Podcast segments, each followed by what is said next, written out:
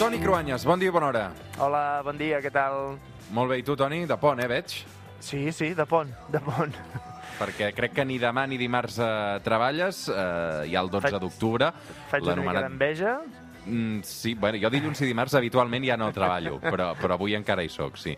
Uh, 12 d'octubre, uh, el que és el dia de la hispanitat, que molta gent, de fet, diu que no hi ha res a celebrar, Toni. Oh, jo estaria d'acord eh, amb això. El que passa és que em, clar, haig de conciliar, l'escola em fan festa, per tant és els dies que em, toca, que em toca estar a casa. Però això de la hispanitat que es deia abans, o la festa nacional espanyola vinculada al que va passar amb Cristòfor Colom i companyia, estic d'acord en que no és moment per celebrar res.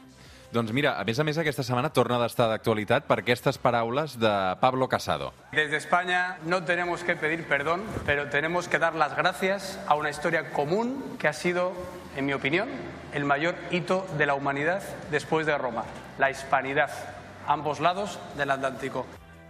El descobriment d'Amèrica com a gran fita històrica, eh, Toni? A veure, jo, a Pablo Casado, com a polític no el jutjaré, però com a historiador és nefast. El que podem fer avui amb el Toni Cruanyes és agafar aquesta història present del Pablo Casado i portar-lo realment a la història real del descobriment o la troballa d'Amèrica. Toni. de la guitarra mía. Per tant, el que fem és marxar cap a Mèxic, eh, perquè avui parlarem dels maies, una civilització que va viure entre els actuals eh, Guatemala, Mèxic i Belize, no?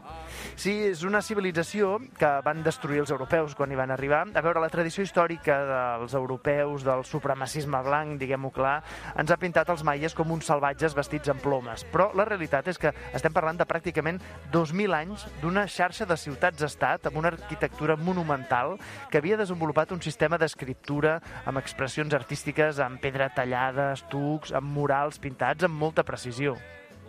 Era una societat molt avançada en alguns aspectes, per exemple, tenien aquest alfabet propi i també utilitzaven les matemàtiques a, a un nivell avançat.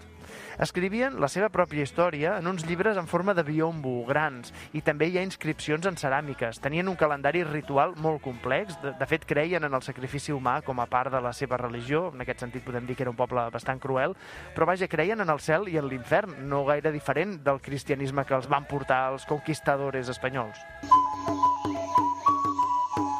Hi ha un misteri, Toni, sobre la història dels maies que tot just ara s'ha començat a resoldre.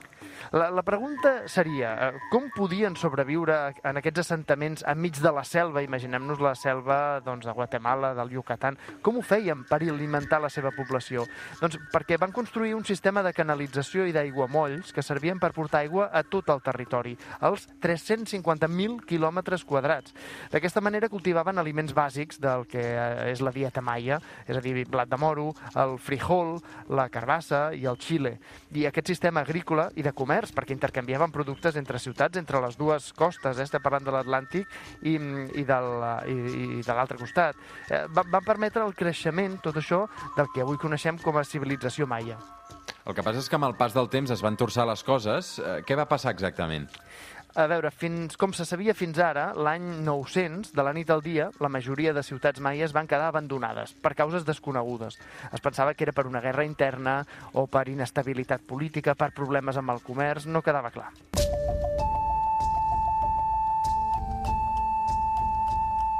I tot va canviar fa un parell d'anys gràcies a un estudi científic.